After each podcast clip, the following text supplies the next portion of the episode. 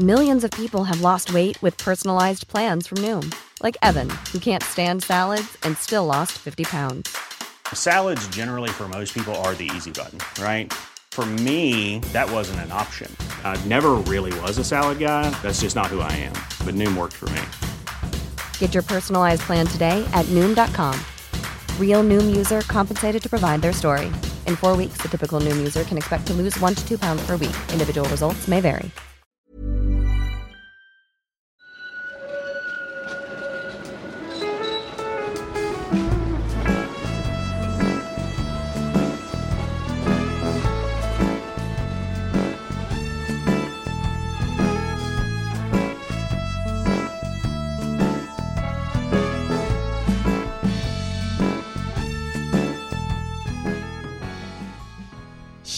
Tjenare tjenare! Idag ska vi prata om Söder! Nej, jag skojar bara. Nu ska vi inte alls det. Men eh, välkommen till Gator och torg i Göteborg. Jag tror inte vi har något ställe som heter Söder va?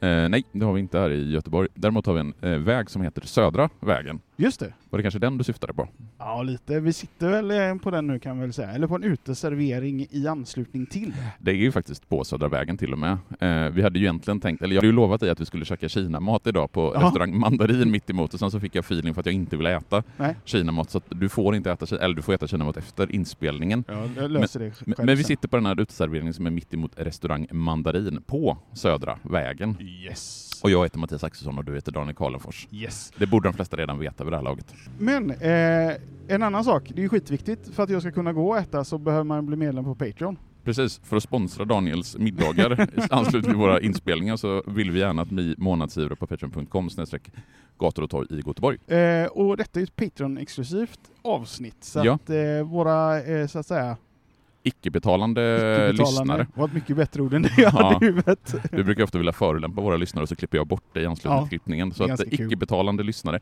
ni Ja. kommer bara få lyssna i ungefär 10 minuter. Och dessutom så kommer ni ju tvingas dras med reklamen om ni inte är betalande. Men går ni in på patreon.com snedstreck gator och torg i Göteborg och Mm. blir där månadsgivare på diverse olika nivåer Mm. så slipper ni reklamen och ni får lyssna på hela dagens avsnitt. Men en plats där man kan få hänga hur mycket man vill och hur länge som helst, vad är det? Det är vår Instagram. Just det. För där behöver man inte vara betalande medlem eller något, utan det räcker att ha ett Instagramkonto så kan du följa oss på gator och torg i Göteborg som eh, är den plats där vi lägger upp bilder och Mm. kartor från de avsnitt som vi gör. Och kopplat till alla er nu som antingen är Patreons eller som följer oss i våra olika sociala medier så har vi ett litet erbjudande. Så vill du berätta om det? Ja, det är ju så att vi har äntligen fått våra gator och torg i Göteborgs muggar Vi skulle ha fått levererade. dem 7 juli. Ja, ja, leverans är leverans, leverans. Men nu finns de till försäljning och Yes. de finns på Sommerid Shop på Kapanjärsgatan i Haga.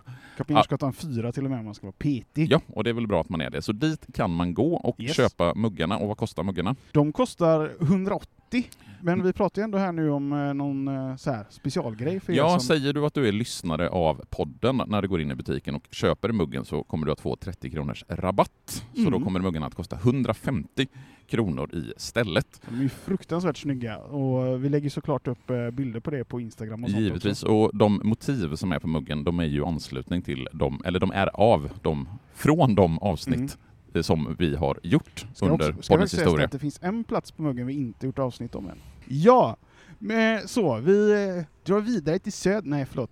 Eh, till det här med Södra vägen. Hur eh, länge har den funnits? Ja, Södra vägen med namnet Södra vägen har ju funnits sedan slutet av 1800-talet. Den får sitt namn av Göteborgs stad 1882 och då har det ju tidigare funnits vägar längs med ungefär samma sträckning och då har de hetat sånt som Södra landsvägen och Landsvägen och ska man förklara var Södra vägen sträcker sig så är det en ganska lång gata. Alltså den börjar faktiskt hela vägen bort vid Kungsbron, alltså vid Bältesspännarparken. Det finns en Mm. liten skylt där det står Södra vägen precis där Kungsbron eh, ansluter till Avenyn. svänga, Svänga in lite, Avenyn. man svänger Ja. in på i eh, Bältesspännarparken så står det en skylt Södra vägen. Och så går den längs med exercishuset och Heden och vägen Ja, där. exakt Just så. det. Och sen så sträcker sig... koll! Ja, det är fantastiskt att du har koll på geografi för en gångs skull. Och sen så sträcker sig Södra vägen ungefär två kilometer söderut. Och ska man, del, man, man kan lite grann dela upp Södra vägen i några olika avsnitt noterade jag när jag cyklade längs med Södra vägen idag. Och då har vi den första delen som egentligen går parallellt med Kungsportsavenyn, eh, alltså längs med Heden. Och där är det en ganska stor blandning av bebyggelse, av gammalt och nytt. Och sen har vi den delen som är från Lorensberg till Korsvägen där vi sitter, där det i princip bara är 1800-tals bebyggelse kvar, eller tidigt 1900-tals eh, bebyggelse. Och sen har vi den delen av Södra vägen som går från Korsvägen hela vägen ner till Lisebergs södra entré vid Götebergs äng. Och där har vi både Universium och Världskulturmuseet på ena sidan och sen också de här tegelhusen på den andra sidan. Så Södra vägen är ju både en lång gata med sina två kilometers sträckning och sen så är det en väldigt varierad gata vad det gäller bebyggelse. Life is full of what ifs. Some awesome, like what if AI could fold your laundry? And some, well, less awesome, like what if you have unexpected medical costs? United Healthcare can help get you covered with Health Protector Guard fixed indemnity insurance plans. They supplement your primary plan to help you manage out of pocket costs. No deductibles, no enrollment periods, and especially no more what ifs. Visit uh1.com to find the Health Protector Guard plan for you. Ryan Reynolds here from Mint Mobile. With the price of just about everything going up during inflation, we thought we'd bring our prices down. So to help us, we brought in a reverse auctioneer, which is apparently a thing. Mint Mobile unlimited premium wireless. Ready to get 30, 30, bit to get 30, bit to get 20, 20, 20, bit to get 20, 20, bit to get 15, 15, 15, 15 just 15 bucks a month. So, Give it a try at mintmobile.com slash switch. $45 upfront for three months plus taxes and fees. Promo rate for new customers for limited time. Unlimited more than 40 gigabytes per month. Slows. Full terms at mintmobile.com. Mm. Men eh, som sagt, eh, även innan Södra vägen har det ju funnits vägar här. Vad kan man säga om det? Ja, alltså den här dalgången som är mellan Mölndal och Göteborg, den har använts av människor som har odlat här, som har bott och rest och haft verksamheter egentligen från det att havsnivån sjunker och marken börjar friläggas tillräckligt mycket för att man ska kunna bruka jorden och då är vi faktiskt på stenåldern, alltså någonstans Yes. 4000 före Kristus, alltså för ja, men ungefär 6000 år sedan då vi brukar räkna att den yngre stenåldern eller bondestenåldern börjar. Men vet vi någonting om de här människorna som var här för typ 6000 år sedan? Ja, alltså vi kan ju inte veta om dem på individnivå eftersom det inte finns några skriftliga källor eller skriftliga belägg på något sätt. Men däremot så kan vi veta en del om dem som grupp och framförallt de människor som kommer till det som idag är Sverige när bondestenåldern börjar. För i tidigare historisk forskning, alltså under 1900-talet, så har man jobbat utifrån hypotesen att det var de svenskar inom stora citationstecken som var jägare och samlare som via kulturutbyte omvandlades till bönder någonstans 4000 före Kristus. Men med modern DNA-teknik så har man lite grann reviderat de hypoteserna under de senaste 10-20 åren och menar nu mera istället att de som kommer till Sverige och, och även den här delen av Sverige, alltså västkusten för 6000 år sedan, det är framförallt invandrare som har sitt ursprung i nuvarande Turkiet, i Anatolien.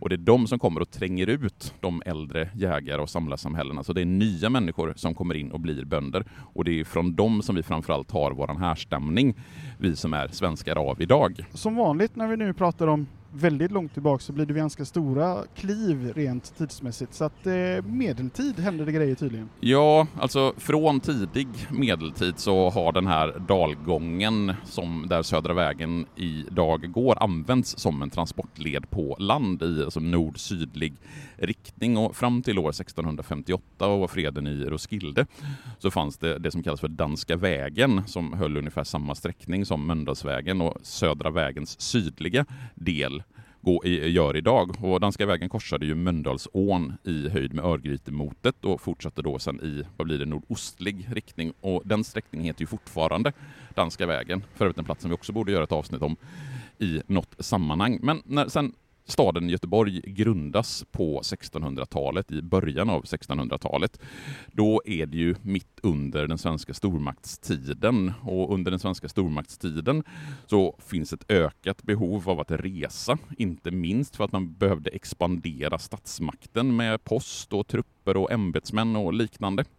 Jag vet ju att eh, stormaktstiden såklart är en ganska eh, viktig del i Sveriges historia, men, men eh, kan du liksom kortfattat definiera vad är det och är det liksom erkänt utav resten av världen att Sverige då var en stormakt eller någonting vi hittat på bara? Jag ska göra en väldigt kort sammanfattning. I övrigt kan jag hänvisa till min andra podd, eller en av mina andra poddar, Kungar och krig, där jag faktiskt är mitt uppe i den svenska Mm. stormaktstiden i mitten på 1600-talet. Men här ska det bli en väldigt kort sammanfattning. Man ska ju säga att sto- svensk stormaktstid brukar man räkna från 1611, då Karl IX dör och Gustav II Adolf tar över, fram till ja, men, säg 1718, 1720, där Karl XII dör och frihetstiden börjar.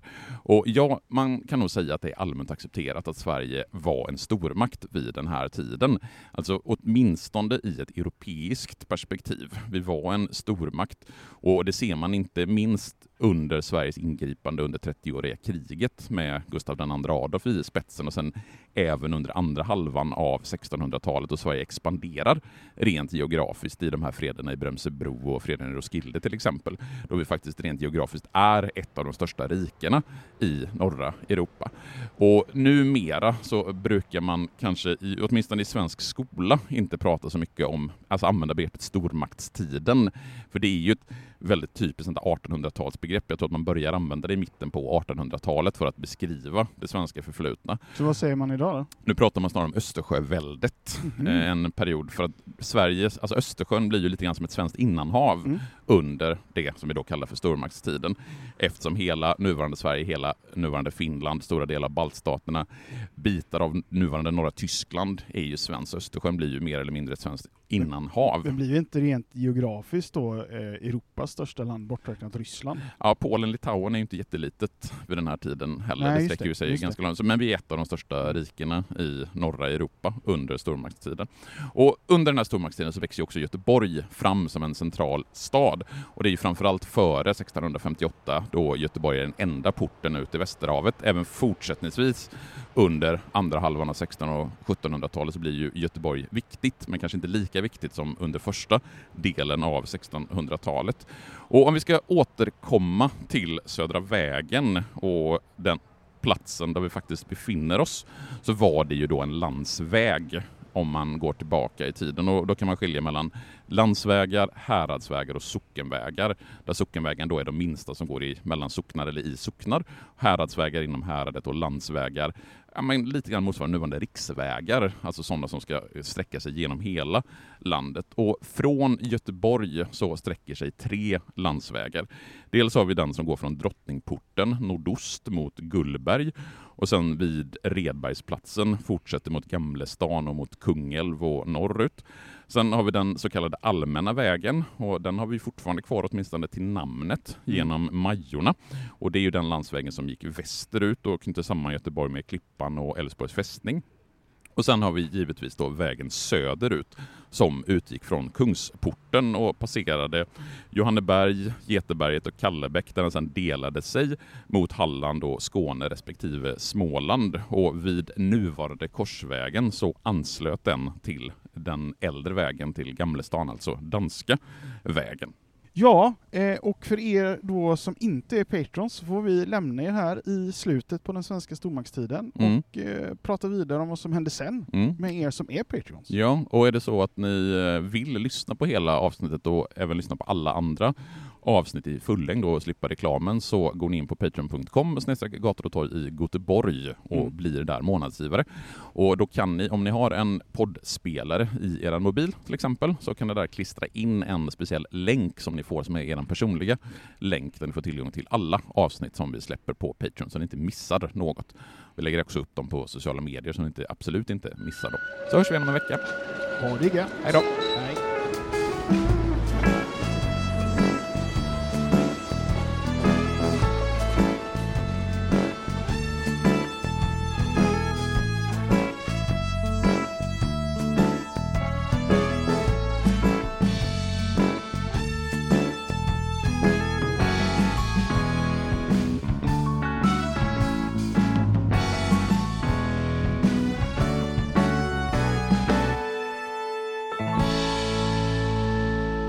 Gator och torg i Göteborg produceras av Reostat Media AB.